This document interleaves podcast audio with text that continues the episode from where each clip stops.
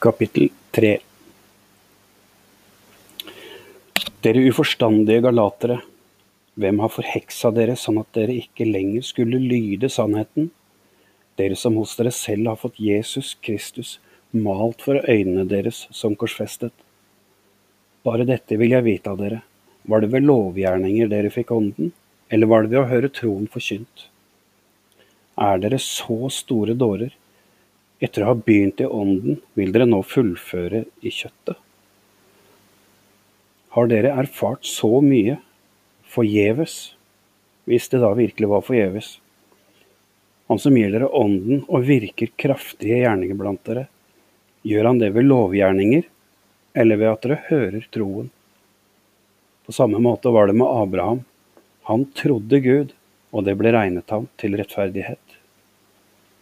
Derfor skal dere vite at det er bare de som er av tro, som er Abrahams barn. Da Skriften forutså at det, var, at det er av tro Gud rettferdiggjør folkeslagene. Da forkynte den evangeliet for Abraham på forhånd, og i deg skal alle folkeslag bli velsignet. Så blir da de som er av tro, velsignet sammen med den troende Abraham. For enhver som bygger på lovgjerninger, er under forbannelse, for det står skrevet. Forbannet er hver den som ikke holder fast på alle de ord som er skrevet i lovens bok, slik at han gjør dem. Men at ingen blir rettferdiggjort for Gud ved loven, er klart. For den rettferdige av tro skal leve. Loven er ikke av tro, men den sier det mennesket som gjør det budene sier, skal leve ved dem. Og Kristus har kjøpt oss fri fra lovens forbannelse idet han ble en forbannelse for oss.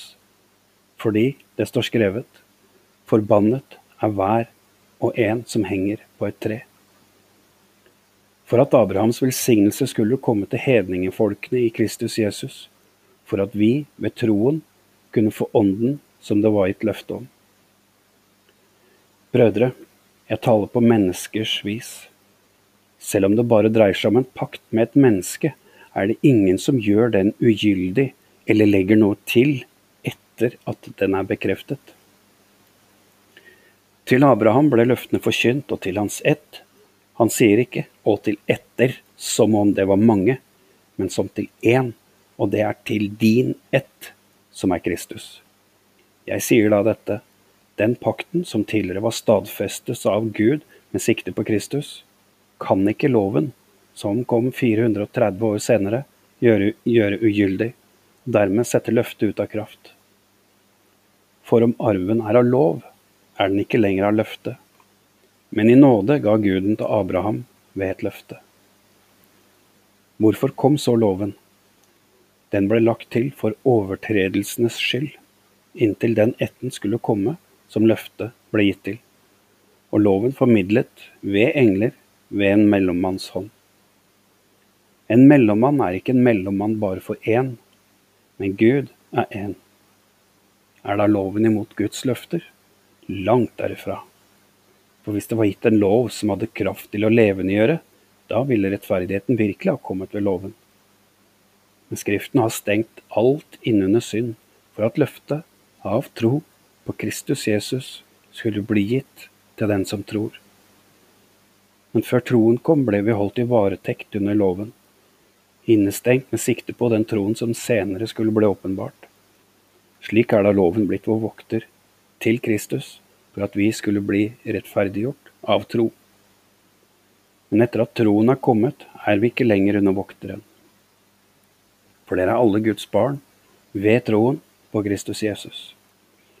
For hver og en av dere som ble døpt til Kristus, har ikledd dere Kristus. Her er verken jøde eller greker, slave eller fri, mann eller kvinne, for dere er alle én i Kristus Jesus. Og dersom dere hører til Kristus, da er dere Abrahams ett og arvinger i følge løftet.